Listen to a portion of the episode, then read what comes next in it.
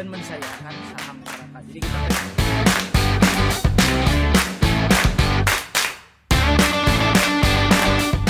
beda sama Jakarta kalau orang Bandung tuh uh, listrik investasiin buat sekolah anak. Evolve into something new. Kupu-kupu mungkin. Eh, ayahku tuh satpam gitu kan. Di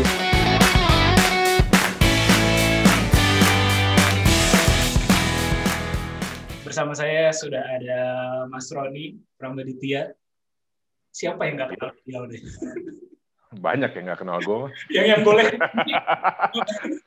konteksnya yang boleh dibahas apa aja nanti kalau nggak nggak ini kita ini aja ya kita bilang aja ya. Kalau kalau gue sih bahas apa aja karena eh, framework lo kan lebih ke bisnis ya, Ah, bisnis dan bisnis itu menurut gue genderless, ageless, em, timeless karena dari sejak awal ada yang namanya kehidupan manusia udah ada trading kan. ya Jadi- Mas Roni mungkin biasa kalau di pendengar gue mungkin lebih dikenal di lawlessnya gitu ya. Oh iya iya iya iya. oke oke. Faedah gitu ya. Oh iya iya nyampahnya ya. Namanya di sini. Om-om. Eh, diulang dikit ya. Mungkin lebih banyak tadi dikenal sebagai apa ya di lawless gitu ya. Tapi sebenarnya kan udah di industri yang udah cukup mature gitu. Eh, cuman nanti akan kita bahas dua-duanya juga sih. Eh, Oke oke ya. boleh boleh. Industri yang cukup mature adalah industri oil and gas dan oil and gasnya nggak main-main Medco gitu ya. Grup Medco. Walaupun memang banyak anak perusahaannya, tapi kan eh, kalau nggak salah emang berdirinya dari oil and gas gitu. Nah mungkin pertanyaan pertamanya gini mas, gimana Iya. ini kayak lawless tuh kan sebenarnya oke lah F&B gitu, clothing Hmm. maupun banyak lah ya eh, sub bisnisnya gitu. Cuman kan itu kayak industri kreatif loh. Itu bisa Iya. di industri kreatif. Aku lihat juga founder-foundernya adalah eh, ya mungkin ada yang ITB juga, tapi eh, industri kreatif lah musisi gitu, Hmm. entertain kayak gitu-gitu. Terus ini industri satu di sisi lain adalah gas itu adalah industri yang apa ya? bu- bukan yang udah saklek gitu loh, yang udah saklek dah. ini kayak dua, dua dunia yang berbeda nih. Emang. Iya? Emang Nah, dunia yang berbeda betul. gimana tuh? Gimana Mas Roni Oke. bisa bisa bermain Mungkin- dunia ini gitu? Oke, Eh, mungkin gini, nah sebetulnya eh, Medco sendiri atau gua Roni, Roni pribadi gitu ya, kita saya kebetulan kerja di Medco, Hmm. tapi secara background saya orang entrepreneur. Jadi saya memang dari kecil itu senang create sesuatu, creating value gitu ya, dari yang nggak ada jadi ada. Terus saya senang berteman dengan banyak sekali orang. Terus saya juga pencinta seni dan musik gitu. Eh, otomotif apalagi yang bentuknya dua roda atau empat roda itu buat saya sesuatu gitu. Eh, jadi having ya udah udah udah sekian lama bekerja, saya ngelihat kayaknya saya butuh invest juga di teman-teman sendiri. Eh, Lawless itu bukan yang pertama dan certainly bukan yang terakhir. Hmm. Jadi sebelum itu dan sampai sekarang masih ada, saya juga ada beberapa teman yang memang saya bekerja sama gitu, creating values.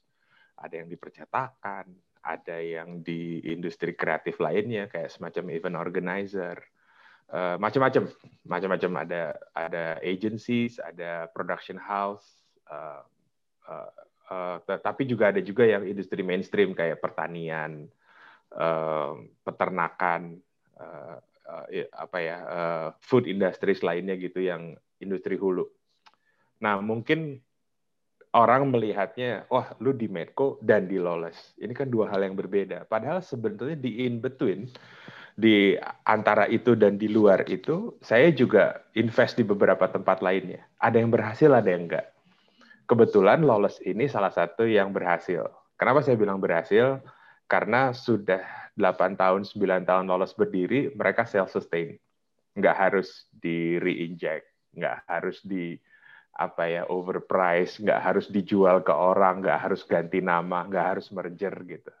Stay on its own.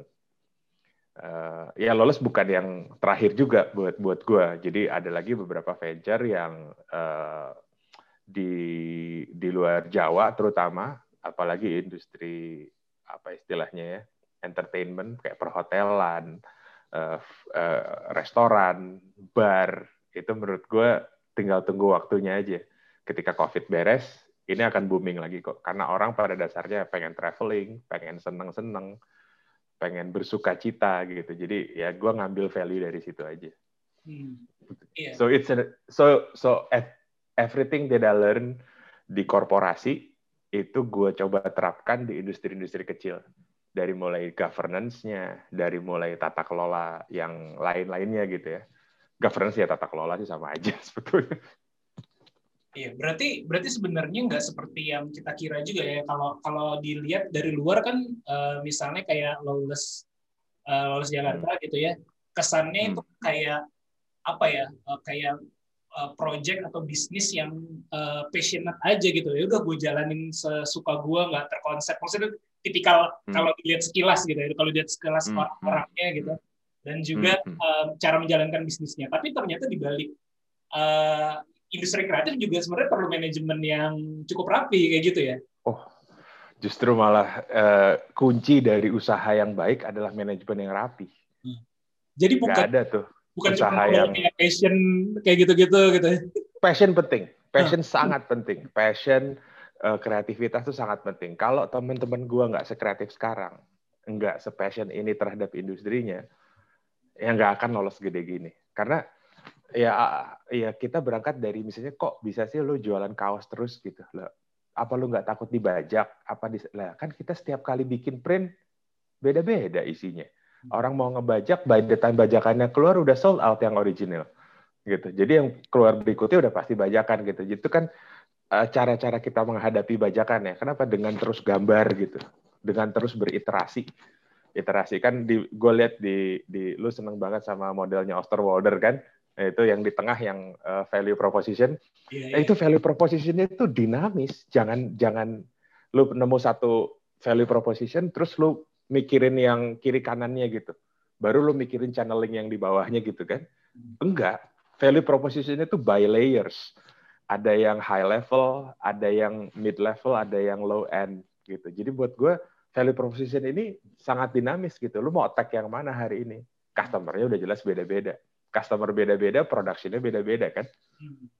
Nah, jadi sama seperti di Lawless gitu. Itu kan perlu di manage ekspektasi orang. Hari ini market lagi lagi senang dengan oh lagi pandemi misalnya. Oh oke, orang lagi banyak yang yang reserve cash, orang lagi banyak yang nggak mau spending. Apa nih kira-kira yang menjadi tone di dalam masyarakat itu yang dijual sama Lawless. Hmm. Jadi kita merespon juga terhadap kondisi sosial. Nggak selalu dengan kondisi sosial ya. Bisa juga event-event internasional gitu. Uh, American apa US elections misalnya. Oh, ada kejadian di mana terus kita ngerespon dengan kaos yang mana gitu. Orang mungkin nggak ngelihat uh, sambungannya, tapi kalau orang yang ngerti, oh ini kayaknya ngerespon elections nih gitu. Nah, nah Gitu. berarti eh, maksud gue oke secara bisnis ya as, bisnis as usual gitu pasti perlu manajemen yang baik, pasti perlu pengelolaan Iya. Baik gitu.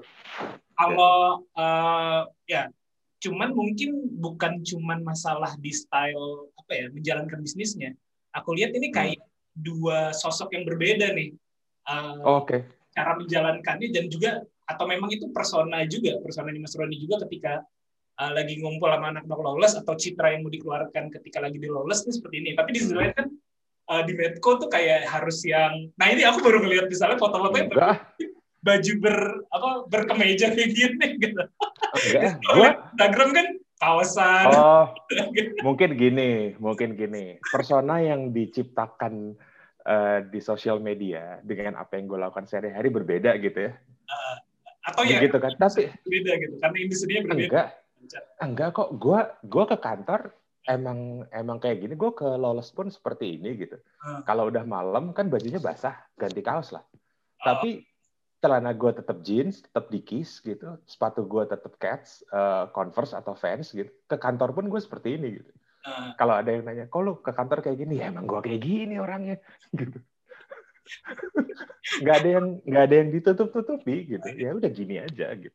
Batik tangan panjang, batik tangan panjang gitu. tergantung occasion ya berarti ya jangan jangan maksa juga ya Jangan maksa juga lah gitu. Masa kekawinan pakai celana pendek gitu kan nggak enak lah gitu. Gitu. Tapi terus aku juga menarik deh. Tadi eh, menarik ngelihat Ah. eh, apa LinkedIn-nya Mas Roni gitu. LinkedIn Mas Iya, Roni di sini Oke. sana. Dan terus salah satu kata-katanya adalah sebenarnya eh, selalu mencoba hidup rock and roll kayak gitu. Oh ya, karena gini, eh, ketika kita berinvest ya, invest, invest itu kan kayak lo, eh, you put eh, so much money atau so much effort into it gitu ya. Ada yang balik, ada yang enggak. Hmm. Nah, ketika balik pasti lo kecewa. Ketika ketika tidak balik pasti lo kecewa. Tapi ketika balik bagus gitu ya, ada returnnya, pasti lo bangga bahwa lo melakukan sesuatu. Hmm. Itu kan kayak roller coaster ya, naik turun, naik turun. Itu kan seperti hidup ya, Hmm. gitu. Jadi buat gue, eh, mending hidupnya rock and roll aja deh. Kalau memang lagi bagus, ya bersenang-senang. Tapi kalau lagi jelek juga jangan jadi terus it's the end of the world gitu. Ya udah usaha lagi. Karena investasi itu sama dengan usaha ya. Jadi bukan seberapa suk- besar sukses lo, tapi seberapa cepat lo jatuh dan kembali lagi naik gitu. Itu kan udah ada di banyak buku motivational ya. Gue bukan motivational speaker ya, gue cuma baca doang. Tapi gue praktekkan ini di lapangan. Jadi buat gue rock and roll itu penting. Karena lo harus berhadapan dengan berbagai jenis orang kan, berbagai jenis eh, obstacles. Tidak hanya di lapangan, tapi juga di di urusan administrasi gitu. Ya ini harus lo hadapi dengan dengan bangga dan gegap gempita aja. Merah putih itu di mana gitu. Gitu. Iya, iya. Nah, kalau di Lawlessnya sendiri, eh, Mas Roni juga ngambil part di sana, as management atau eh, investor komisioner juga di. Oh enggak, kami kami berlima eh, investor. Jadi Lawless itu start dengan equal amount of money. Hmm. Kalau gue boleh share, tahun 2011 kita masing-masing mengeluarkan uang 20 juta rupiah Hmm. each and every one of us. Hmm. Sama. Jadi modalnya 100 juta, Hmm. kita sama-sama keluar cash 20 juta. Hmm. Itu nggak ada yang kurang, nggak ada yang beda. Semuanya kerja dengan porsinya masing-masing. Bahkan sampai sekarang juga maksudnya masih ambil porsi manajemen juga. Artinya ada Eh, iya, masih ada, masih ada, masih ada. Tapi of course gue udah sekarang udah punya deputi lah ya di lapangan. soalnya aku lihat eh, di tengah pandemi justru kalau nggak salah buka tempat baru ya di Eh, ada ada yang di Bintaro, Hmm. ada yang di Bintaro. termasuk industri yang terdampak COVID nggak sih sebenarnya? Termasuk itu waktu kita diminta waktu itu istilahnya masih lockdown ya, Hmm. belum ada istilah PSBB. Jadi waktu lockdown bulan Maret kita benar-benar nggak tahu apa yang kita hadapi. Dan selama tiga bulan pertama di 2020 eh, di di zaman-zaman lockdown tuh kita benar-benar nggak tahu apa yang harus kita lakukan. Jadi toko diminta tutup. Tapi terus ternyata ada satu aturan dari pemerintah yang memperbolehkan bahwa industri makanan tetap jalan, tapi harus take away only. Ya udah, dine ini kita tutup take away only. Dari situ yang tadinya kita presentasi take away-nya lebih sedikit dibanding dine in, jadi 100% dine in. Di situ customer kita mulai belajar. Oh, tidak di di take away ternyata enak juga ya. Hmm. Nah, mulailah ada trust trust building ke ke customer bahwa eh di takeaway masih tetap enak. Lu nggak harus datang ke lolosnya sendiri. Playlist udah ada kok di Spotify. Playlist tinggal download gitu kan. Lu kalau mau de- makan sambil dengerin suasana musik hinggar-binggar metal ya di rumah aja lah gitu. Sampai dikomplain tetangga gitu kan. Gue juga nggak ngerti lah situasi rumah tangga kalian seperti apa. Tapi yang jelas customer itu dilakukan dengan kita tetap posting, tetap kita lihatkan suasana dapur, kita lakukan eh, hygiene treatment, kita repackaging barang-barang dengan dengan baik gitu kan waktu itu orang nggak tahu kan apa sih covid itu bulan Maret April nih ya. Nah, terus em, dari situ kita lihat bahwa oh ternyata takeaway bisa nih tapi ada beberapa orang yang nggak bisa takeaway kenapa karena ojek online itu hanya bisa sekian kilometer. Kalau di atas itu ongkirnya jadi terlalu mahal. Jadi kemudian kita berinovasi. Teman-teman tuh berinovasi. Sorry. Teman-teman berinovasi. Ada yang bilang, oh kita pakai sistem just tip aja. Jadi waktu itu kita keluar dengan inovasi yang namanya dropshipping.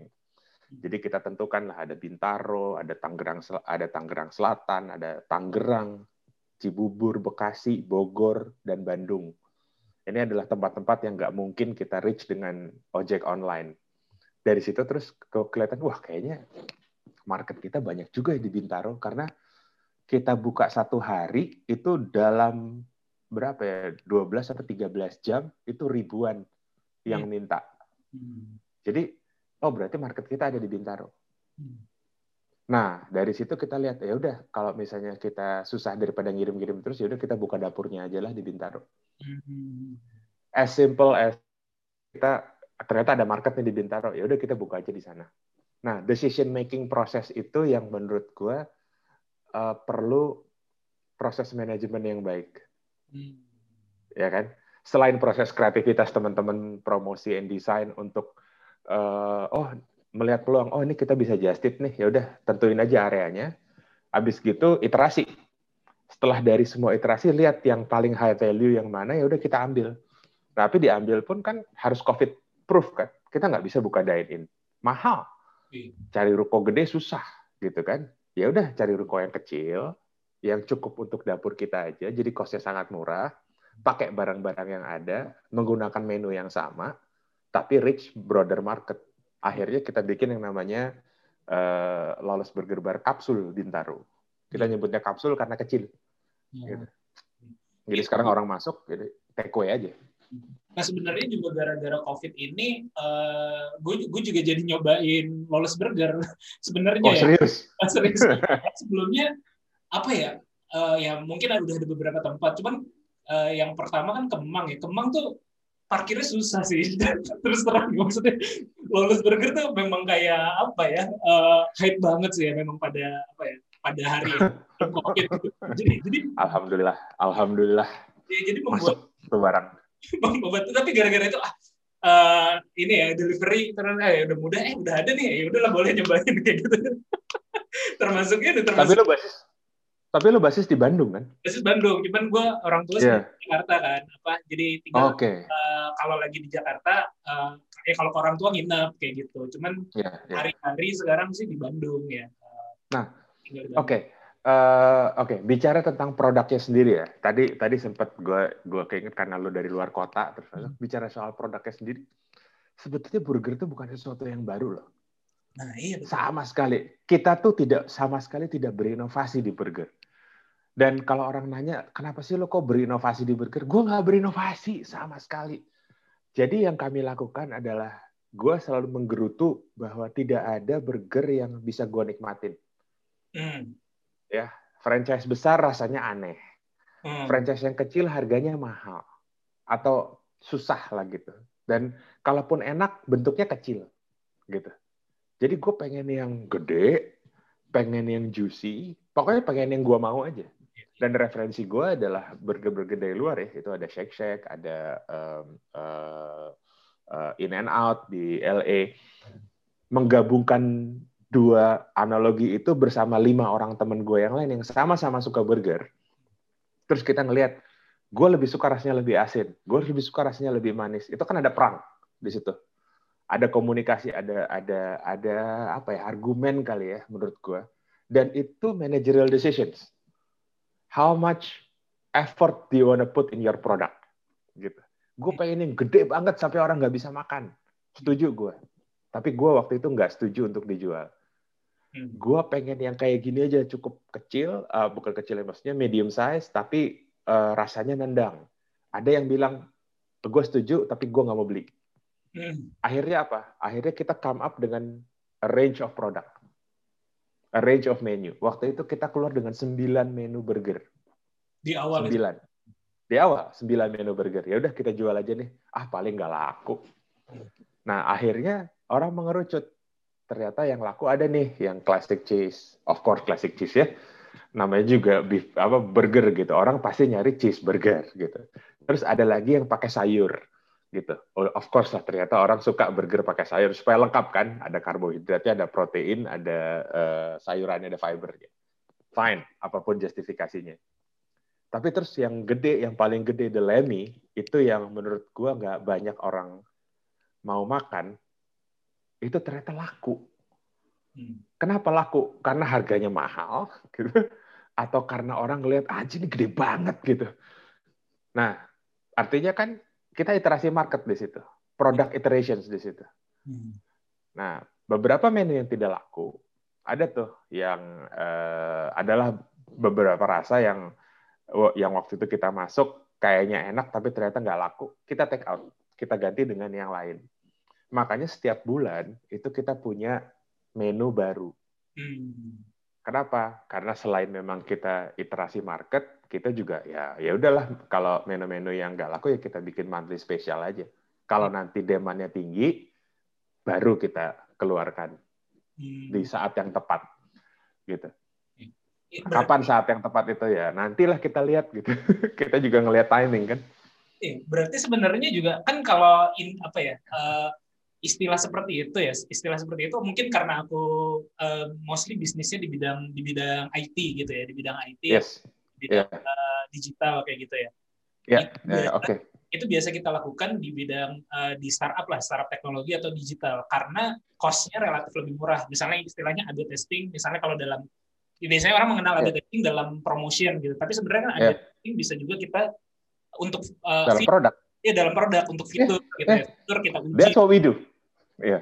nah cuman itu kan dalam industri F&B gitu baru Iya, tahu iya. baru tahu nih ternyata bisa diterapkan dalam dalam skala itu juga ya Dengan COVID, Ah. dengan COVID dan digitalisasi, A/B testing itu bisa dilakukan di medicine, di oil and gas, di banking, financial industries, F&B, otomotif, Hmm. eh, eh, at- bukan otomotif ya, transport gitu, sama eh, ini eh, hulunya food, hulunya food. Hmm. Ya, jadi food food product ya gitu. Itu bisa dilakukan A/B testing. Hmm. Lawang sekarang market sangat cepat untuk berespon. Ya kan? Marketplace itu udah ribuan, mungkin belasan ribu kali marketplace yang ada di Indonesia ini. Hmm. Di setiap eh, kalau lu mungkin eh, kapan-kapan ngobrol sama ada salah satu teman gue yang pernah jadi bupati di Bojonegoro, Kang Yoto namanya. Saya harus promosiin dia karena dia mendrive startup lokal. Tidak kurang dari 600 startup digital tumbuh di Bojonegoro. Hmm. Karena inovasinya dia adalah mendengarkan anak muda untuk ber- berinovasi gitu. Anak muda kan cepet banget gitu. Anak SMA, anak yang baru masuk kuliah itu kan idenya kan sangat sangat apa ya menurut gue out of the box gitu. Ada yang make sense untuk diteruskan menjadi bisnis, ada yang cukup eh, ini kayaknya kita belum siap deh untuk ini gitu. Tapi nevertheless semua ide itu harus dicoba kan. Hmm. Kalau tidak diberi kesempatan oleh eh, orang yang punya kuasa, eh, temen gue bupati gitu ya, ya gimana produk itu mau beriterasi gitu. Apalagi lu kayak di di industri digital gitu ya, kalau lu nggak punya sponsor atau lu nggak punya klien yang mau membeli produk lu, ya gimana lu mau beriterasi? Hmm. Masa mau pakai duit sendiri mulu gitu nggak mungkin. Nah, kalau kalau dalam dalam F&B ya kita ngambil sampel lawless aja ya, lawless burger Iya. spesifik. Iya. Itu iterasinya gimana tuh? Apakah misalnya kalau kalau di compare dengan digital ya, di compare dengan Oh. digital biasanya kan kita eh, apa ada istilahnya ada beta testing dulu nih, ada alpha testing Iya. dulu kan sebelumnya. Alpha testing tuh artinya kita di antara founder Kita atau sendiri. ya kita sendiri yang nyobain nih produknya Eh, hmm. intuitif nggak sih cukup intuitif nggak sih untuk kita gunakan atau Iya. eh, nyaman nggak sih kita gunain experience-nya? Kita enak nggak sih? Terus setelah itu eh, beta testing. Beta testing udah mulai kita ke lempar ke market yang lebih apa ya lebih besar tapi juga belum luas belum apa ya belum common belum umum gitu. Terus oke itu diterima diterima. Lalu next step next step itu agar karena kan keputusan proses pengambilan keputusan kita perlu hati-hati atau perlu testing-testing seperti ini karena uh, resource kita terbatas nih. Kita sebagai Ya. Kalau kita resource-nya unlimited, ya kita lempar aja produk nggak laku, oke kita bikin lagi. Hmm. Gitu, Kita bisa melakukan itu gitu. Tapi Ya, ya. karena resource kita terbatas, jadi kita tujuan kita melakukan A/B testing ya untuk manajemen resiko juga sebenarnya kan, atau Ya, ya. manajemen resiko. Gitu. Nah, kalau prosesnya kalau di F&B apakah gitu juga tuh? Di grupnya Eh, dulu, apa? Gua nggak tahu di grup F&B lain ya. Hmm. Tapi setiap minggu kita alpha testing. Hmm. Kenapa? Karena ini produk yang gue mau makan tiap hari loh. Jadi kalau gue udah mulai bosen, ya gue carilah produk yang penggantinya. gitu. Ya nggak sih? Kan ya sekarang gue balikin lagi ke para pendengar lah, ke ke lu Panji dan para pendengar lu gitu. Eh, kapan terakhir lu makan di restoran gitu? Terus kalau eh, ya maksud gue nggak usah dijawab, tapi tolong bayangkan kapan terakhir makan di restoran. Lu mau balik lagi apa enggak? Kalau misalnya lu nggak mau balik lagi, lu mau balik lagi ke mana? Kan itu ada di benak kita masing-masing kan. Nah, jadi menurut gue alpha testing itu harus dilakukan lebih sering dibandingkan beta testing. Jadi kitanya dulu, kalau kita udah ngerasa bosen dengan produk kita, terus kira-kira yang lebih baik apa? Nah, yang lebih baik menurut kita, apakah baik menurut publik? Hmm. Ya, makanya banyak-banyak berteman lah gitu. Hmm. Ajak-ajak temen lu yang kira-kira, ah ini kayaknya suka nih yang produk yang ini. Tapi kalau ternyata dia nggak suka, terima feedbacknya gitu. Hmm. Terlalu asin, terlalu pedas, oh terlalu berani, terlalu aneh gitu. Tapi so far nggak ada yang ngomong kayak gitu sih, bilangnya enak-enak aja sih. Kenapa? Karena di alpha testing di awal kita udah punya high standard gitu. Kita kita nggak cuma pengen pedas, kita nggak cuma pengen empuk, kita nggak cuma pengen juicy, tapi kita pengen tekstur. Ya karena karena karena kita makan gitu. Nah, satu lagi anomali sebetulnya harus gue cerita. Sejak awal uh, burger bar dibuka, gue itu baru makan burger uh, ya kami itu baru sekali. Sisanya gue hanya food taste. Karena gue vegetarian. Ini surprise banget. Jadi jadi gue hanya ingin menunjukkan ke ke lu gitu ya bahwa A/B testing itu nggak harus user. Hmm. A/B testing itu bisa orang yang cukup experience-nya aja. Gue dulu makan daging, Hmm. tapi terus gue ada satu kondisi yang mengharuskan gue untuk ah jangan makan daging. Ya udah. Jadi sekarang gue kalau makan itu cukup gigit satu, terus rasain di lidah, habis itu gue buang. Oh. Jadi nggak masuk ke kerongkongan gitu. Hmm. Karena gue nyembau daging juga udah enak sekarang karena gue udah lama sekali jadi vegetarian. Hmm. Jadi dan gue mau balik lagi untuk makan daging juga gue nggak mau gitu. Hmm. Jadi jadi gue pa paling makan di di di burger tuh kentang, terus uh, menu-menu vegetarian gitu. Ini ini ini banget sih, surprise banget ya. Maksudnya Iya. pemilik ber Iya. Jadi tapi tidak makan daging. Padahal kan apa ya? Menu daging itu enak banget sih sebenarnya. Maksudnya kalau kita ada pertanyaan tadi ya, misalnya salah satu yang bikin kita ingin balik lagi nyobain suatu menu di restoran sebenarnya terlepas dari tempatnya enak, tempatnya hype, experience yang kita dapatkan di sana tuh enak kayak gitu. Uh, tapi kalau ngomongin makanan pasti rasa sih. Dan sebenarnya maksudnya misalnya tempatnya enak gitu, tapi rasanya nggak enak atau biasa aja kita nggak akan balik lagi juga males gitu loh kecuali memang buat apa lo datang betul yeah. makan nah cuman kan uh, lawless burger oke okay, yeah, yeah. itu menurut menurut menurut gue tuh enak banget ya maksudnya gede gitu loh gede lah gedenya dapat lah gitu juicy hmm. dapat gitu nah cuman ini salah satu ownernya tidak makan daging gitu. ini mengagetkan banget ya uh, jadi gini apa uh, seperti yang tadi gue bilang burger itu bukan sesuatu yang baru hmm. ya lo bisa nambahin kondimen apa pun daging apa pun diapain itu tetap burger gitu ya uh, yang lebih enak dari lawless banyak. Banyak. Uh, gue bisa nyebut dua tiga brand yang lebih banyak gitu. Lebih lebih porsinya lebih besar banyak. Rasanya lebih enak banyak gitu. Lawless itu bukan istimewa, tidak istimewa si burgernya itu. Tapi kami berhasil mengkombinasikan antara resep yang kami miliki dengan komunitas yang kami bangun. And that's the strong brand value gitu. Dan itu kami lakukan tidak hanya di burger. Kami lakukan juga di record company, kami lakukan juga di clothing, kami lakukan di garage, kami lakukan di event organizer kami, Sekepal Aspal. Jadi dalam melangkah itu kami selalu melakukan hal yang sama. Kebetulan, kebetulan burger ini eh, jadi salah satu favorit orang yang cepat viral gitu. Hmm. Tapi sebelumnya selama lima tahun kami berdiri, kami berdiri dengan clothing company. Kami berdiri dengan kaos-kaos yang kami miliki gitu. Hmm. Jadi ya apa ya? Um, kalau Kalau Slayer tuh ya kita nemu Raining in Blood-nya lah. Kalau Guns N' Roses tuh kita nemu Sweet Child O' Mine-nya lah gitu. Kurang lebih seperti itu lah. That's our hit note lah gitu. Uh, nah, uh, kalau ngomongin uh, apa ya, ngomongin, uh, oke okay, tadi kita udah ngomongin tentang lawless-nya. Nah, kalau ngomongin tentang Metco-nya nih, uh, yeah. Yeah. ini kan uh, tadi, uh, walaupun tadi dibilang ada lini yang samanya dalam managing, dalam good governance-nya, dalam hmm. uh, semua lini bisnis pasti melakukan hal-hal seperti itu gitu. Yeah. Cuma kan ini industri yang uh, berbeda dari sisi hmm vertikalnya oke okay. dari sisi hmm. Uh, ya dari sisi marketnya juga beda kan uh, B2 yeah. dengan B2C kayak gitu mungkin kalau yeah. simplifikasi dengan Betul. itu dan Betul. juga dari sisi skala ini sangat berbeda gitu loh yeah. dari sisi skala yeah. sangat berbeda gitu uh, gimana tuh uh, hari-hari ngeset diri pertama mungkin ya ke, ke pertanyaan oh.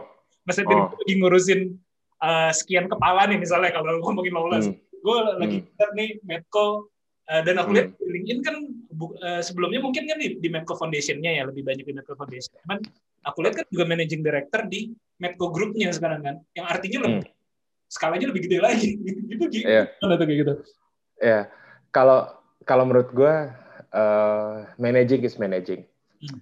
Uh, a good manager itu tends untuk have apa banyak sekali delegasi. Hmm. Jadi uh, lebih banyak lu percaya orang uh, pekerjaan lo akan akan jauh lebih baik gitu.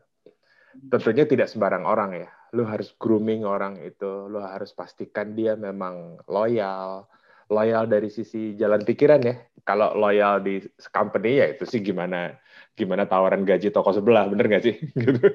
Tapi loyal dari sisi value, loyal dari sisi arah perusahaan gitu. Uh, waktu sebenarnya saya tuh masih di Medco Foundation. Saya memang masih uh, head of foundation ya.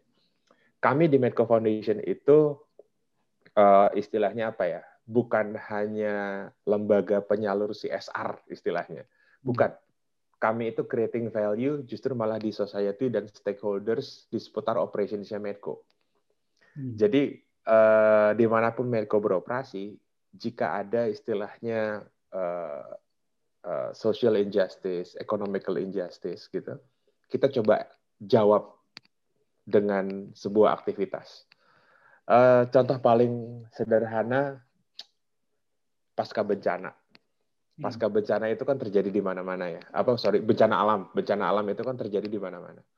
Sehingga kita punya satu unit khusus untuk menangani pasca bencana apa aktivitas pasca bencana tersebut. Kami tidak, kami mungkin tidak punya kemampuan merescue karena merescue itu urusannya eh, TNI mungkin, urusannya BNPB gitu ya. Kita nggak mau masuk ke ranah itu karena kita juga nggak punya equipmentnya gitu. Eh, ini saya bicara Medical Foundation ya, yang kita kan isinya tuh hanya 22 orang. Yeah. Tapi kami uh, bergerak di 84 titik di Indonesia. Paralel. Jadi uh, yang gerak itu bukan orang dari Jakarta, tapi justru mitra kita yang ada di daerah. Kan itu model dari pendelegasian kan. Iya. Sebetulnya. Jadi kita memberikan trust kepada organisasi lokal untuk melakukan apa yang kita inginkan. Hmm. Of course, tidak 100% eh, benar gitu. Makanya ada proses yang namanya monitoring dan evaluasi. Jadi railingnya tuh kita coba arahkan terus turun langsung di lapangan. Karena sense of belonging-nya mungkin untuk organisasi lokal tidak setinggi organisasi inti gitu core. Tapi nevertheless kita harus melakukan itu. Kalau enggak nanti kita nggak akan maju-maju. Hmm. nah di pasca bencana juga seperti itu. Aktivitas yang kita lakukan saya kembali lagi ke urusan pasca bencana itu lebih ke awalnya adalah observasi dan social mapping. Hmm. kenapa? Kalau bencana alam udah pasti katakanlah longsor gitu udah pasti aktivitasnya adalah merescue puing bangunan atau orang-orang yang tertimbun. Setelah itu rebuilding kan. Rebuilding mah urusan pemerintah, bukan urusan kami dari dari dari LSM.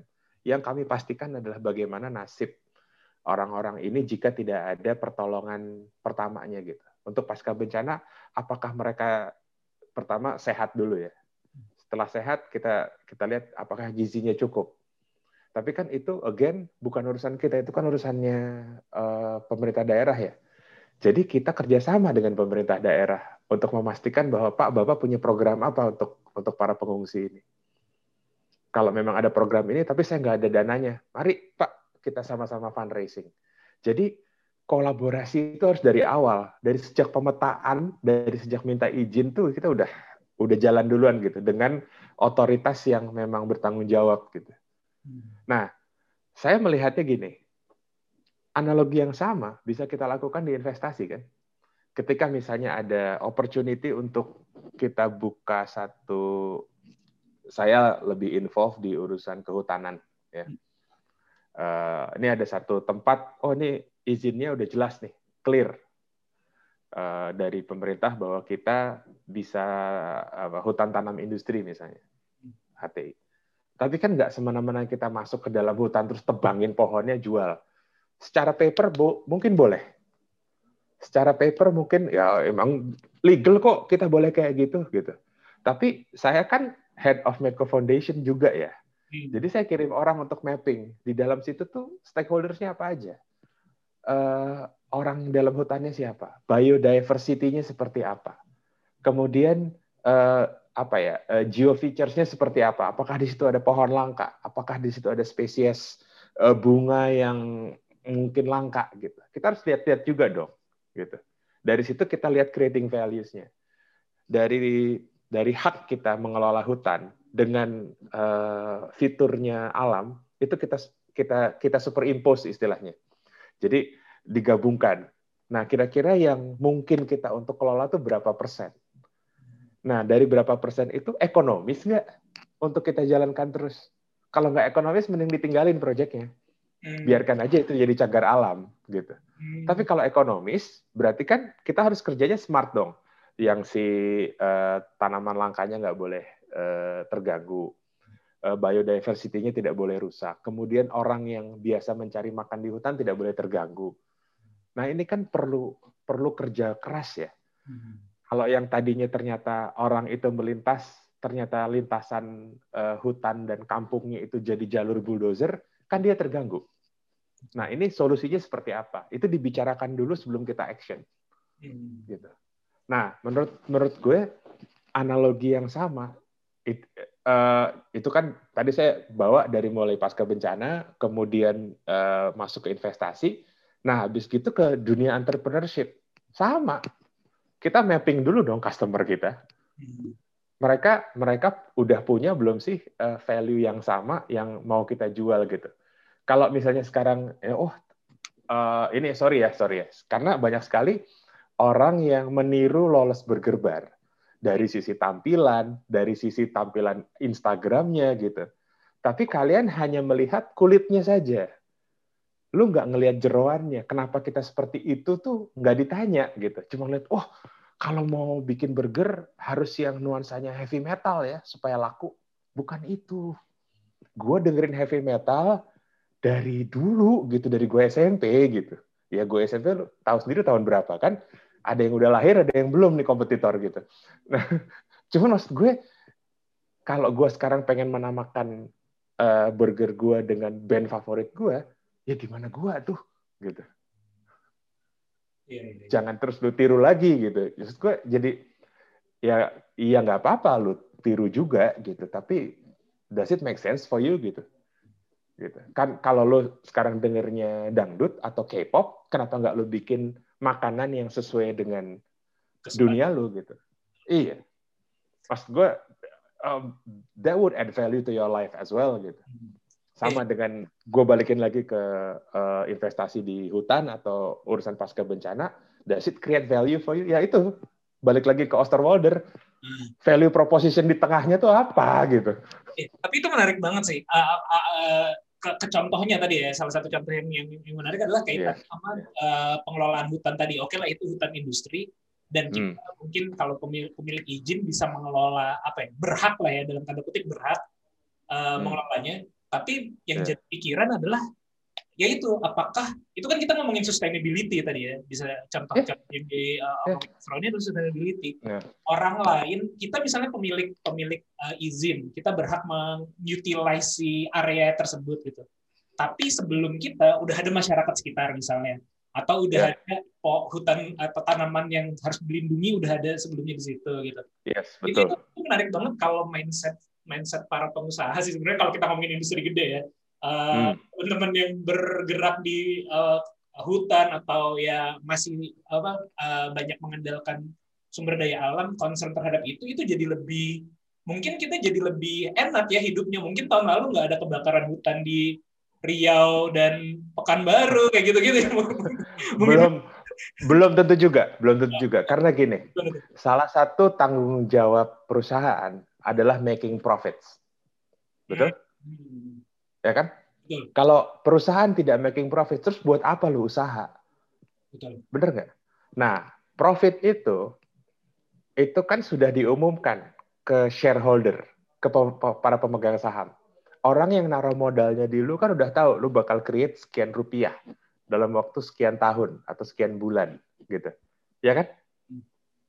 Nah, kalau lu nemu di lapangan orang kayak gua, udah pasti berantem. Kenapa? Eh, gua harus bikin profit. Gua harus bikin profit. Masa lu menghalang-halangi dengan hal-hal yang tidak penting ini, Ron? Gitu kan? Ya, ya. So, in order for you to have a good business, you need to find a good balance Hmm. antara uh, uh, antara ya kalau kalau gini deh istilahnya kalau kalau foundation nggak ada ya LSM lain ada gitu. Kalau lu nggak punya foundation, jadi pasti akan ada tokoh masyarakat yang menentang usaha lu. Kenapa? Karena lu nggak ngelihat eh, kebutuhan masyarakat lokal kok, lu cuma ngelihat kebutuhan investor doang gitu. Jadi kita nggak bisa menyalahkan juga, oh ada kebakaran, ada itu, terus kemudian ada eksploitasi hutan. Lawang memang dibutuhkan produknya, Iya. gitu. Sekarang gue gue pernah ke Inggris, gue ngobrol dengan supir taksi di sana. Ternyata dia seorang PhD, Oh. Oke, eh, dari Norfolk apa dari mana gitu. Jadi dia bilang gitu, oh dari Indonesia ya? Oh iya, ya, terima kasih. Eh, udah tahu gue dari mana. Terus dia cerita gitu, iya, it's uh, unfortunate uh, buat lu hari ini ya nggak bisa jualan di Eropa Hmm. karena eh, banyak sawit kita yang di ban gitu di di di Eropa. Oh iya iya, thank you. Tapi ya ini perang dagang sih ujungnya gitu kan. Masa orang nggak mau sabunan, masa orang nggak perlu minyak goreng gitu kan. Masalah barang kita di ban atau tempat lain di ban kan sebenarnya it's a preferences of who's selling it gitu kan or who's buying it gitu. So uh, masalah sustainability ini bisa bisa ngobrol panjang lah. Cuman kan gue nggak mau ngomongin soal sustainability hari ini. Kita kita kita uh, bi- bicara fakta aja gitu di, di- apa di depan gitu. Uh, orang tuh butuh gitu. Produk dari Indonesia tuh orang butuh gitu. Tinggal sekarang kita mau ngasih value apa ke keluar. Mau mentahnya dijual, kemudian diolah, atau kita mau bikin sendiri di Indonesia sehingga ketika kita dapat value yang lebih tinggi, harga yang lebih bagus, kita bisa bikin sabun dan minyak goreng yang bisa diekspor. Value-nya itu bisa kita kembalikan sebagian untuk kelestarian alam. Kan problemnya gini, kita kan jual produk basah, bukan produk jadi. Jadi harganya rendah. Sehingga kalau keuntungan itu dibagi lagi dengan alam, dibagi lagi untuk masyarakat, nggak cukup untuk shareholders. Gitu makanya butuh butuh value creation kan. Jadi kalau kalau kalau punya kebun sawit ya kalau bisa punya pabriknya, kalau bisa punya refinery-nya, kalau bisa bisa sekalian sama pabrik sabunnya gitu. Biar sekalian lu jualnya sabun ke luar negeri gitu.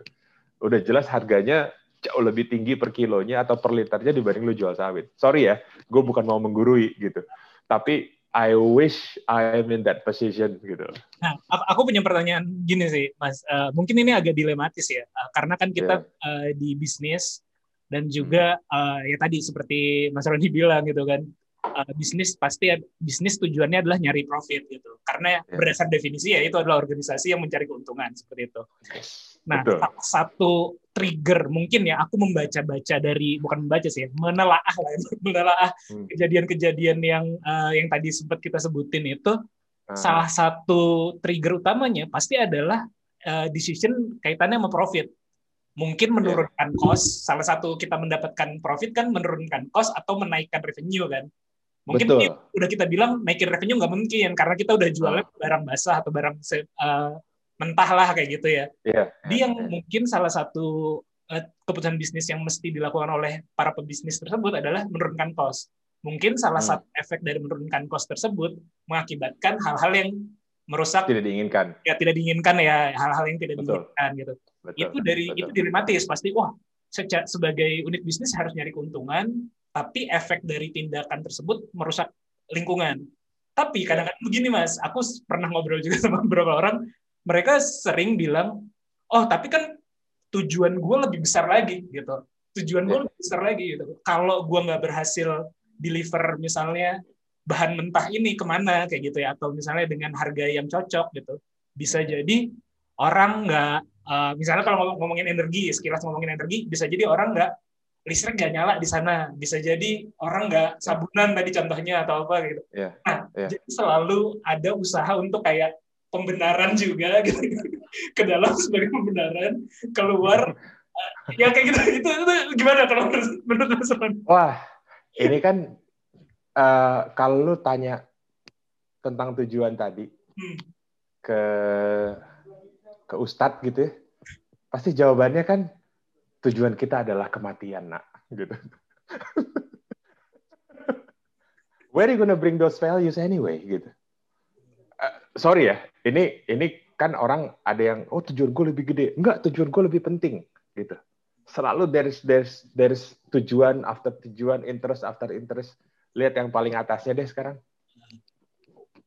Atau look paling atas tuh jadi yang paling deket sama kita. Look look look inside our hearts gitu.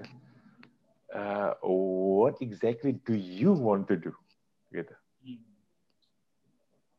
Karena kalau kita nurutin share uh, apa uh, shareholders udah pasti profits. Kita ngikutin mother nature udah pasti kita nggak harus ngapa-ngapain. Tinggalin aja hutannya kayak gitu. Bener nggak? Itu udah tujuan terbaik nature udah tinggalin aja lah. Lu hidup dengan apa yang lu punya deh gitu. Emang lu makan berapa banyak sih? Gitu. Bener nggak sih? Emang berapa sih kita butuh duit gitu? Istilahnya gitu ya. Sorry ya. Ini tapi kan gue harus mencoba realistis gitu. Atau kalau kita tanya ke pemerintah gitu, emang tujuannya kita punya negara yang benderanya merah putih ini apa sih Pak, Bu? Tujuan kita bernegara apa sih? Jadi tadi ya kita kita kita harus selalu ada kepentingan di atas kepentingan gitu, kepentingan negara, kepentingan alam atau kepentingan shareholders. Tiga ini kan harus balance. Tapi again harus balik lagi ke decision maker-nya, lu sendiri. Panji, Roni, siapa pun itu harus tanya lagi emang yang lu cari apa sih? Gitu. Sampai sejauh mana lu mau mengor apa tidak tidak membalance tiga hal ini gitu. Or you forget about all these three gitu. Atau lu ngerasa bahwa ah gue mau ngelakuin apa aja yang gue mau. Ya, lu unregulated dong. Iya, iya. Gitu. Atau kalau ditanya, oh tapi regulasinya kayak gini, apakah regulasinya salah gitu? Hmm. Oh tapi Mother Nature kayak gini, apakah Mother Nature salah gitu? gitu. Oh harusnya uh, uh, si shareholders nggak minta kita profit sebanyak ini, kan lu yang bikin usaha sob, gitu. Lu lah yang menentukan seberapa banyak proses ini harus dilakukan, seberapa banyak lu harus give back to society, seberapa uh, besar pengaruh lu ke pemerintah untuk lu memberikan saran kebijakan yang baik gitu. Itu kan it's all about balance man, gitu. Iya betul. Ya mungkin keywordnya itu ya balance ya. Uh, karena lu harus pasti selalu ada pembenaran atau kepentingan yang lebih besar Betul. lagi gitu. Balik-balik Betul. lagi ke diri masing-masing sih ya. Balik lagi ke diri Iya. masing-masing. Mungkin. Iya. Makanya nanyanya ke Ustadz dong. Apa sih tujuan kita? Tujuan kita hanya kematian, nak, gitu kan? Ya, itu pertanyaan paling dasar. Karena ini Iya. terus terang kan kita di sering kali ya mungkin di uh, ya pasti di Mas Roni levelnya jauh lebih besar lah ngebalance itu gitu. Terus aku di Iya. level di level seperti ini pun sering terbentur hal-hal yang dilematis seperti itu gitu dan aku rasa teman-teman banyak banyak yang uh, terbentur apa suka memperdebatkan hal-hal seperti itu. Eh, eh. Sama kayak gue punya anak cewek. Hmm. waktu itu eh, karena gue kawin cukup cepet gitu ya. Jadi waktu umur 26 anak gue lahir. Oh, masih muda Ya, banget. gitu ya. ya, ya betul, betul.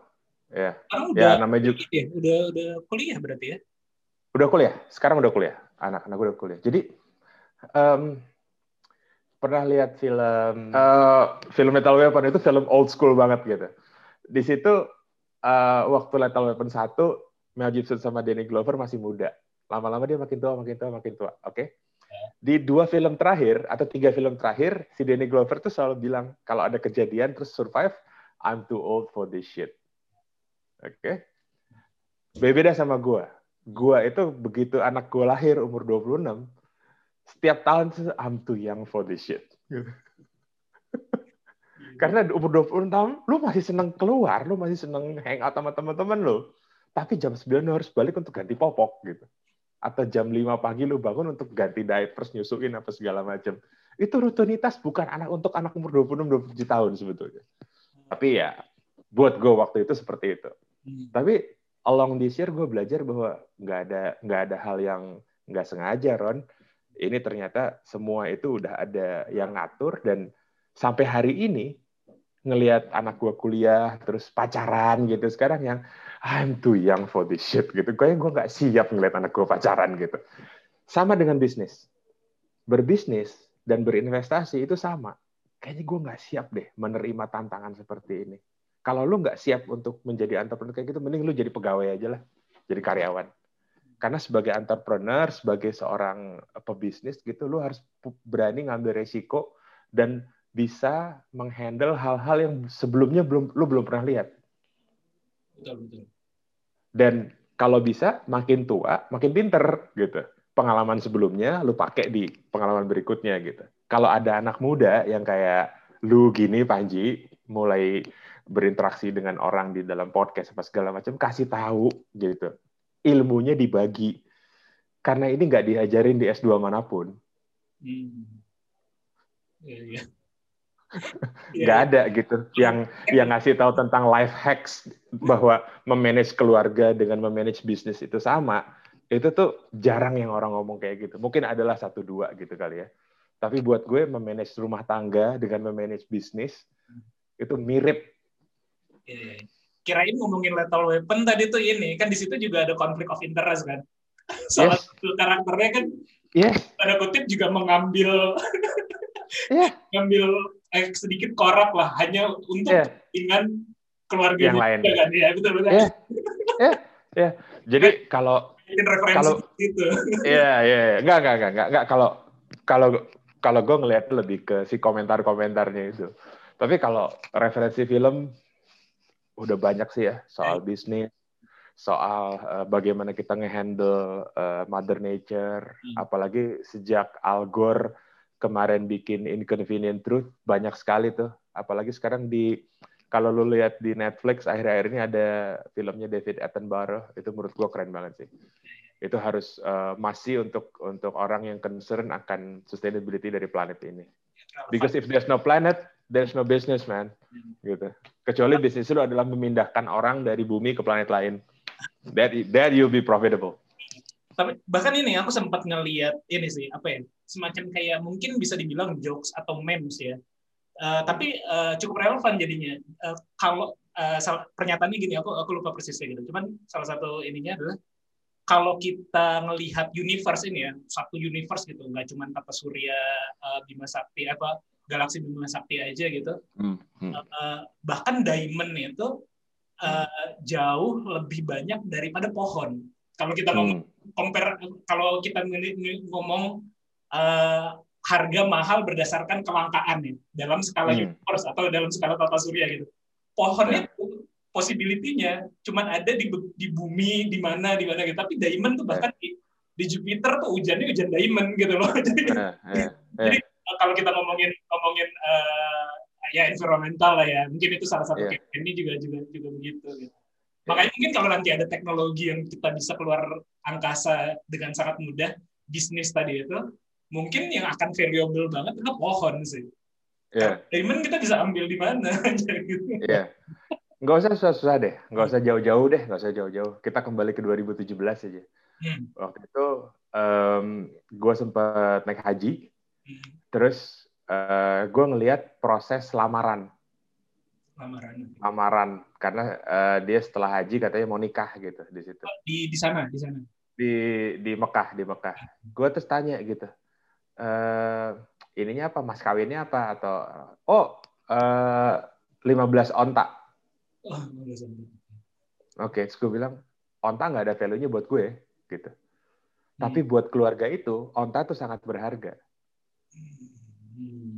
Kalau lu tadi bilang gitu lebih banyak diamond di Bima Sakti ini dibandingkan pohon, ya sama dengan kita kalau ke tempat-tempat tertentu barang lain tuh lebih berharga. Kalau kalau kita kan lebih prefer emas, saham, gitu kan ya, atau rupiahnya sekalian gitu ya, gitu.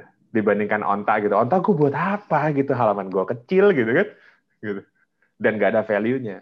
Tapi di tempat lain onta jauh lebih berharga. So nggak usah jauh-jauh urusan Bima Sakti deh. Beda beda tempat aja orang ngelamarnya juga udah beda gitu. Iya, iya.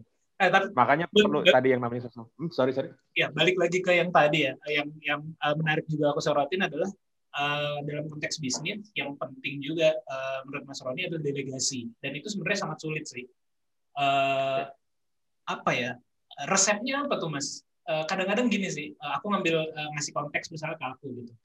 Kadang-kadang apa ya karena kita pernah menjalaninya, kadang-kadang kita tuh nggak mudah percaya ya untuk Hmm. eh, ngasih tugas ke orang atau ngasih delegasi ke orang, lu bisa mengerjakan eh, yang sebaik gua nggak kayak gitu. Itu satu mungkin. Hmm. Yang kedua adalah ketika kita udah trust, nah itu kan kuncinya trust juga ya. Eh, Hmm. Kalau kita semakin banyak delegasi, kita kan makin makin banyak mencoba manage manage ini, ini orang gitu. Dan itu kan apa ya? Micromanagement tuh melelahkan banget gitu. Iya, iya. A- Ada tips nggak sih eh, ya dalam mendelegasi Eh, orang kayak gitu-gitu? Ini nanya nih nih. ini ini aja. Em, ya kalau ngelihat eh, presiden gitu ya, presiden juga kan mendelegasikan ke para menterinya gitu ya. Tapi kan nggak semua menteri bisa kerja. Iya betul. iya betul, emang lu tahu menteri kerja siapa? enggak enggak, ini ini ini analogi aja, analogi aja. Jadi dalam semua eh, usaha delegasi itu penting. Tapi mungkin kalau lu nggak bisa mendelegasikannya dengan cepat, eh, dengan verbal, jagalah dengan tulisan. Itu kan good governance yang baik ya. Hmm. Ditulis apa saja yang harus dilakukan, kemudian tanda tangan dua sisi. Dan kalau itu semua dilakukan dengan hasil yang memang lu tentukan, ya udah, lu bisa mendelegasikan dengan, dia gitu. Jadi awalnya ya memang tata kelola. Setelah tata kelola berjalan dengan baik eh, untuk sekian periode yang lu anggap periode cukup lama, entah itu dua bulan, tiga bulan, setahun, terserah deh. Delegasi itu berubah menjadi apa ya? eh, urusannya trust. Kalau dia tanpa harus diawasi lagi bisa melakukannya, artinya centang tuh, oke tuh, masuk. Setelah itu eh, dari dari trust abis gitu apa ya istilahnya lu melet go, lu membiarkan orang ini melakukan apa yang harusnya lu lakukan. Supaya apa? Supaya divisi tersebut atau bagian tersebut bisa dia pimpin. Tidak harus lu lagi yang nge-lead. Jadi awalnya good governance, setelah itu trust, habis gitu leadership. Kalau buat gue cuma tiga itu. Buat gue ya saat ini. Nggak tahu kalau nanti lu bicara sama gue 10 tahun lagi mungkin beda lagi. Tapi saat ini, saat ini yang gue rasakan bagaimana mendelegasikan baik itu tiga itu. Pertama good governance-nya, yang kedua trust, yang ketiga leadership. Hmm. Ya, good governance berarti memang kita kita ngebikin apa ya format ataupun eh, ya kita, kita kalau bisa ditulis ditulis gitu misalnya targetnya KPI-nya kayak gini lo harus melakukan ini. Dan itu kita monitor dalam Iya. waktu tertentu ketika sudah Hmm. bisa berjalan eh, dia mandiri mulai itu kita trust lalu kita lepas. Kayak gitu ya berarti? Ya betul, betul. Abis abis abis dari trust, abis gitu ya udah. Kalau lu udah bi, lu ngerasa dia bisa melakukan apa yang lu lakukan, kasih posisi lu ke dia. Hmm ya betul. Supaya lu bisa move on untuk venture yang lebih besar, venture yang lebih uh, great lagi dan dia bisa punya pride and joy I am leading this organization or this company. Dari situ kan nanti dia akan begitu ke anak buahnya terus aja gitu. Dan itu culture yang baik menurut gue. Beda beda dengan sorry ya uh, banyak sekali uh, kepala daerah yang tidak yang succession plan-nya itu tidak seperti itu. Hmm, betul. Succession plan-nya itu adalah lawan politik. Sehingga apa pun yang dilakukan oleh si A diganti sama si B itu salah program B yang paling benar. Iya. Habis gitu nanti lawan lagi, lawan lagi. Akhirnya program nggak ada yang jalan. Iya. So what I'm saying is apa yang kami lakukan di swasta gitu ya, di private sector, ada baiknya memang dilakukan secara holistik di negara ini gitu. Pemimpin daerahnya, pemimpin negaranya. Jadi tujuan negara tuh jelas. Oh, gue 100 tahun ke depan mau kayak gini. Jadi siapa pun presidennya ya 100 tahun kita ke sana gitu. Tapi harus kompak dulu nih. Iya, iya. Satu negara gitu. Ya, dalam Lalu sama gue sama gitu. dalam konteks politik memang ya dalam konteks kenegaraan memang kayaknya kita negaranya masih terlalu po- politiknya terlalu powerful sih. Kayak kalau ngelihat di Jepang aja contohnya misalnya kan eh, bahkan sebenarnya lebih tidak stabil secara politik sering Iya. di perdana menteri atau segala macam tapi Hmm. Secara pemerintahan mereka tetap stabil gitu karena kayak ada plan jangka panjangnya tetap stick to the plan Iya. lah kayak gitu bukan kayak Iya. ya tadi benar nggak pengganti Hmm. menegasikan yang lama Iya. pengganti lagi menegasikan jadi nggak nggak saling Iya. gitu ya. Iya, iya. Itu masalah trust issue sih. Trust issue berangkat dari eh, background pendidikan, background keluarga. Tapi kan kita nggak bisa menyalahkan background kita yang berbeda-beda. Justru karena berbeda-beda inilah yang sebetulnya bisa memberikan value added gitu terhadap eh, perusahaan atau organisasi. Aku juga pernah ngelihat Mas Roni di YouTube ya ngomong di TEDx gitu ya, ngomong di Ya, ya. eh, Owa Jawa, tapi sebenarnya itu openingnya doang ya, tapi ngomongin tentang salah satu apa namanya, salah satu menara Channel. eh, atau eh, ini ya eh, radio ya, radio pertama di Indonesia yang dibangun Iya. ya gitu ya, Eh, Hmm. Malabar Radio ya, Malabar Radio sistem peninggalannya kayak gitu. Nah itu kan eh, itu lebih itu riset ya mas ya kayak gitu. Eh, sebetulnya sebenarnya eh, saya tidak riset 100%, saya hanya meriset sebagian. Yang eh, yang meriset banyak itu kawan saya namanya Pak Tomita Prakoso. Dia memang apa ya eh, passion gitu ya eh, terhadap Gunung Puntang atau Menara Gunung Puntang gitu. Jadi dia punya komunitas di sana, dia sering berkunjung ke sana, mencoba me- bernostalgia di sana gitu. Eh, yang diangkat dari fenomena tersebut sebenarnya anxiety saya sih. Saya cemas gitu begitu ngeliat kok ini ada yang kayak gini tapi nggak dirawat. Jadi I keep asking question ini kenapa sih? Terus begitu udah nemu fakta satu, loh kenapa gitu? Kenapa nggak dibangun lagi? Kenapa eh, pemerintah Jepang kok nggak nerusin ini jadi stasiun radio gitu? Kenapa terus eh, eh, stasiun itu tidak tidak dibangun lagi atau kenapa sekarang perhutani sel- selaku yang penguasa kawasan tidak mempugar ulang? Masalahnya apa biaya? Masalah eh, masyarakat di sana atau apa? Itu jadi kalau buat saya itu kayak trigger trigger saya untuk selalu bertanya gitu. Kenapa sih? Kenapa sih gitu? Itu yang saya la- lakukan di investment, saya lakukan di di di di urusan sosial, di urusan pertemanan, urusan keluarga. Selalu nanya kenapa gitu. Why, why, why, why? Berarti mungkin itu apa ya? Kalau istilah zaman sekarang kan kepo ya, kepo ya. Berarti. Kepo, kepo, kepo aja, pure kepo. Jadi gue cuma pengen tahu apa yang terjadi dan gue pengen tahu sekarang gitu. Berarti bukan maksud gua, tadinya aku aku pikir eh, apa ya? Ada hasrat di dalam diri untuk research juga gitu sebagai researcher atau. Hmm. Cuman kan sekarang eh, maksudnya terhadap aktivitas saat ini kan profesional, pengusaha, Iya. investor juga, terus juga tadinya aku pikir ada jiwa-jiwa risetnya juga eh, untuk ada sih. Oh ada juga. ya? Ada sih. Eh. Tapi menurut gue gini, riset itu dilakukan untuk sebuah tujuan. Hmm. Eh, kita jangan pernah lupa bahwa eh, search atau research ini dilakukan untuk menyempurnakan sesuatu yang sebelumnya belum terjadi. Dalam sebuah investasi itu ada yang namanya riset juga kan.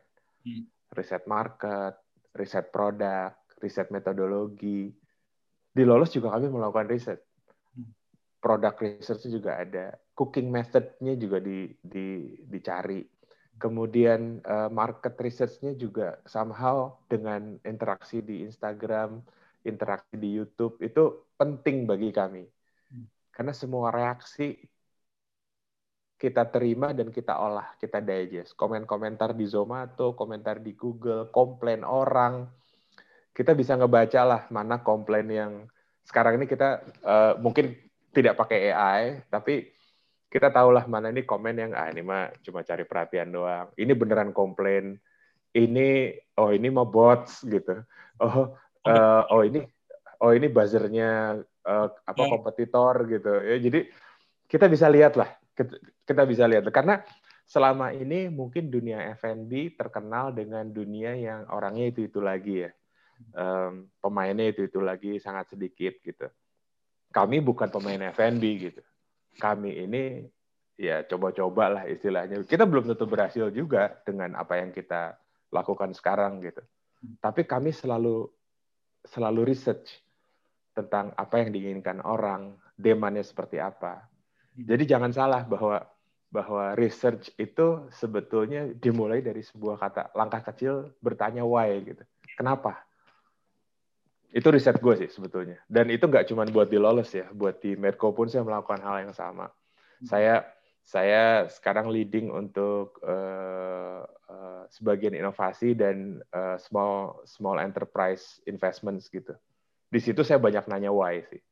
Kenapa uh, spesies ini? Kenapa produk ini? Kenapa teknologi ini? Dan itu uh, menyebabkan orang balik lagi ke mejanya atau ke rumahnya masing-masing untuk riset balik ke gue gitu. Hmm. Jadi sekarang gue sudah mendelegasikan riset itu ke orang lain, bukan hanya ke gue, gitu. Kalau kalau kalau di Medco sendiri ya, uh, di Medco grupnya ataupun di Medco Foundation, uh, hmm. ada inisiasi apa mas yang lagi dilakukan? Uh, soalnya kalau kalau kita ngomongin industri gas kan sebenarnya apa ya industri yang udah mature ya, udah mature terus juga uh, apakah perlu perlu inovasi di sana atau atau memang ya udah kita jalankan ide suara ide saja gitu, memang udah udah udah begitu aja gitu. Enggak, enggak mungkin. Um, uh, istilahnya gue selalu menanyakan kenapa kita harus ikut status, quo gitu. Jadi uh, menurut gue inovasi itu uh, banyak ya kan ada ada ada yang incremental, ada yang adjacent, sama ada yang transformasional. Semua produk atau semua kasus itu pasti ada ada orang yang mengcounter atau mencoba memperbaikinya gitu. Seberapa banyak lo mau invest di di inovasi-inovasi tersebut kan? Jadi nggak cuma kalau di mau di Medco Foundation, mau di uh, yang investmentnya atau di Lawless atau di kehidupan pribadi gue sekalipun, inovasi itu akan akan hadir di depan mata ketika kita sudah merasa status quo ini udah nggak relevan lagi terhadap jalannya organisasi. Hmm.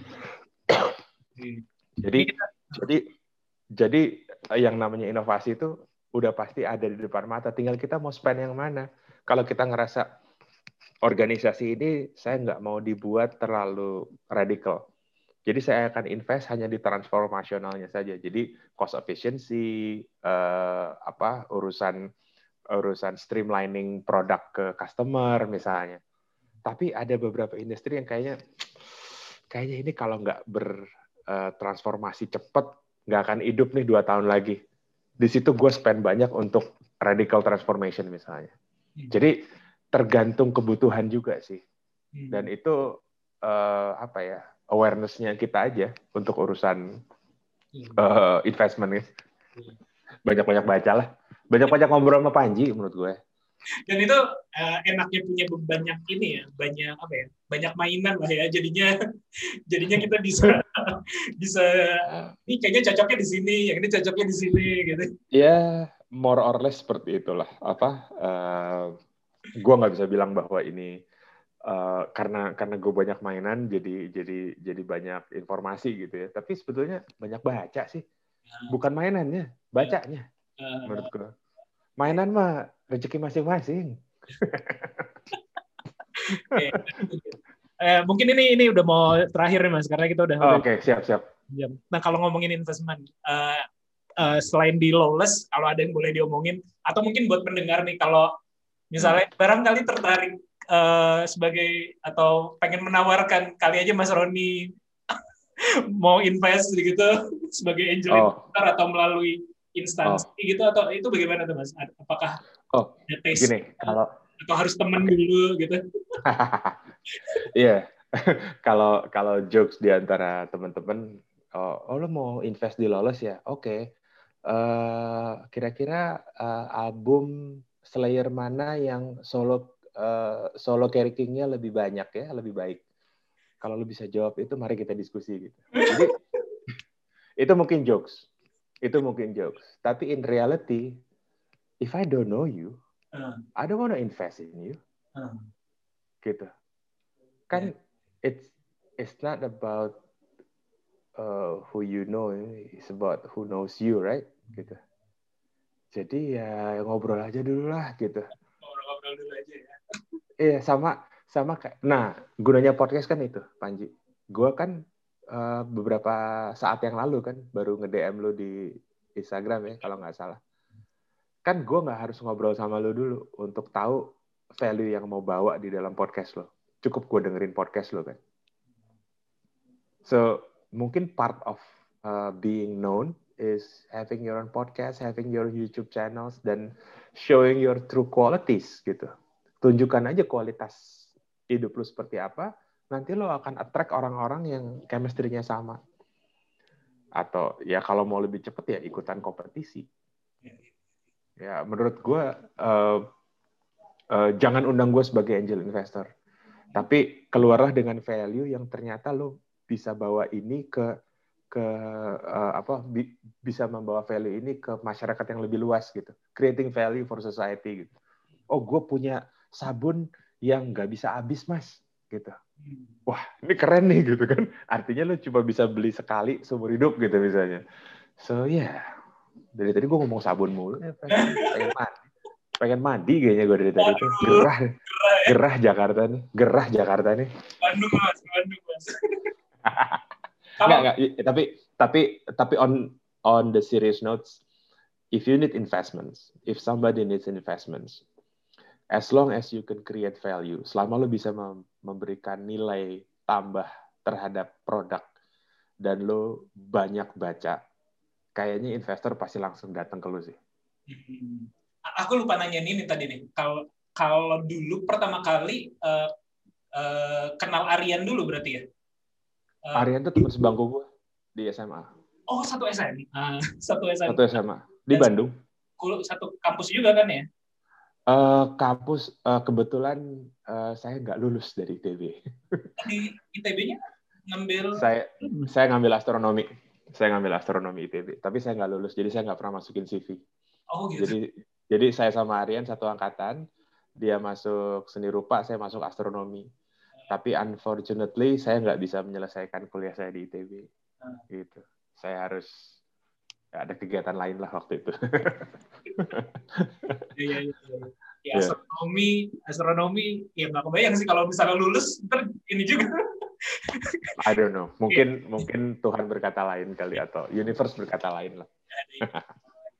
Gitu ya teman-teman. Kalau mau kalau mau apa tadi clue-nya tuh berarti? Kalau mau ya, dapat investment mungkin ya. Ya kenalan dulu lah. Bikin podcast dulu ya mas kan iyalah. Harus harus iklan dulu lu siapa atau YouTube channel atau book punya Instagram yang memang creating values gitu. Kalau lu dari iklan aja lu nggak bisa, gimana orang mau masuk menjadi investor? Ya nggak sih? oh iya Itu salah satu skill Ya, komunikasi. kalau kalau di teknologi apakah ini juga mas Eh, di selain di Medco atau di Lawless gitu apakah di industri digital apakah ada eh, investment Saya- di sana atau eh, handle something gitu Um, dulu dulu saya ada ya investasi di uh, sebuah IT shops gitu, tapi terus folded karena nggak berhasil menembus pasar waktu itu. Saya harus bilang bahwa pernah pernah kita masuk di teknologi gitu, tapi uh, belum belum tembus pasar. Yang sekarang kita punya ada sih kita uh, ISP gitu ya, Internet Service Provider, tapi pure ISP jadi jualnya B2B bukan B2C. Hmm. Oke. Itu, itu itu juga ini sih. Uh, ya itu menarik banget juga sih. Oke Mas, thank you banget nih waktunya. Uh, aku Sama-sama Panji. waktu satu jam Sukses. setengah nih ya. Jadi Kurang lama lah, tiga hari harusnya. kita bikin lagi kalau ada tema-tema uh, Oke. khusus mungkin yang kita pengen pengen bahas. Tapi ini sebagai perkenalan udah Ya. oke. Mungkin terakhir ada yang ingin Mas Roni sampaikan gitu belum sempat aku tanyain atau uh, ke buat teman-teman pendengar gitu. Nggak ada sih buat buat gue sukses buat lo semua. Eh, Panji terutama podcastnya keren. Eh, konten lu ini bisa jadi konten yang menarik untuk para inovator muda. Uh, karena eh, masalah yang dihadapi itu masalah yang umum sekali yang ada di Indonesia. Dan gue banyak belajar dari lu sih. Mas, karena eh, iya karena karena banyak sekali karena karena gue sudah di industri sudah sekian tahun gitu ya jadi gue cenderung untuk tahu yang itu itu aja Hmm. Ini jadi sebenarnya sih uh, kebanggaan juga ya buat saya didengerin sama Mas Roni. kenapa emang Ya maksudnya kan uh, apa ya, udah jauh lebih inilah mature secara bisnis gitu. Biasanya sih memang kalau ceruk-ceruk uh, yang dengerin sih uh, mostly ya di 20-an kuliahan ya ya, 20-an sampai 30-an. hmm. Hmm. Karena saya kan juga umur uh, 30-an gitu, 31 Hmm. gitu. Jadinya Hmm. uh, sama bagus lah bagus lah justru malah kalau kalau menurut gue generasi ke depannya ya untuk untuk uh, orang Indonesia terutama kita tuh udah nggak boleh lagi yang namanya melihat generasi Hmm. kita harus ngelihat lah yang namanya value nilai Hmm. kalau lu bisa ngasih nilai tambah ke gue gue bisa ngasih nilai tambah ke lu mari kita berkolaborasi dan bekerja sama Hmm. Nah, jadi udah udah udah nggak ngeliat lagi kan dulu ada yang istilahnya mafia universitas mana, mafia universitas mana. Generasi sebelumnya boleh lah gitu. Karena lu percaya sama alma mater lu, sok atuh mangga silakanlah jalan gitu. Hmm. Tapi menurut gua sekarang gua malah ngelihat kayaknya semua universitas menuju hal yang sama deh. Hmm. Kita pengen eh, semua mahasiswa kita lulus terbaik dan memberikan kontribusi terbaik bagi negara gitu kan ya. Semua kampus kan pengennya gitu kan. Iya. Jadi udah pasti semuanya punya niatan yang baik gitu untuk negara ini. Tinggal ketemu apa enggak, ngobrol apa enggak, satu Oke. frekuensi apa enggak. Oke mas, thank you banget nih waktunya. Dengerin juga uh, Unfaedah juga. Gue Nah, nggak, enggak usah lah. gue nggak. Maksudnya itu bapak-bapak sampah isinya. Unfaedah, Unfaedah kan termasuk lumayan tinggi ya kalau di Spotify ya. Jadi Ya, nggak tahu. Padahal kita udah eksklusif Spotify nggak pernah jadi nomor satu. Gue pikir setelah tanda tangan bisa jadi nomor satu. iya, iya tapi maksudnya nggak pantas podcast ini mempromokan podcast yang lebih tinggi gitu loh. Iya. Unfaedah promoin ini gitu kok mas. Yang yang yang harus dipromoin itu adalah idenya. Ide bagus, eh, inovasi yang baru, kemudian orang Indonesia yang bisa berpikir positif, itu yang harus lu promoin. Ya, ya. Udah, Siap, siap. percaya, stick stick to your core, stick to your core. Siap, siap, siap. Thank you Mas ya. Sekali lagi. Sama-sama. Aku uh, tutup dulu ini ya, ntar, ntar baru kita udahan. Terima kasih buat buat uh, teman-teman yang udah dengerin sampai akhir. Semoga obrolan ngalor ngidul kita ada manfaatnya. Uh, sampai ketemu di podcast ngobrol bisnis berikutnya. Bye.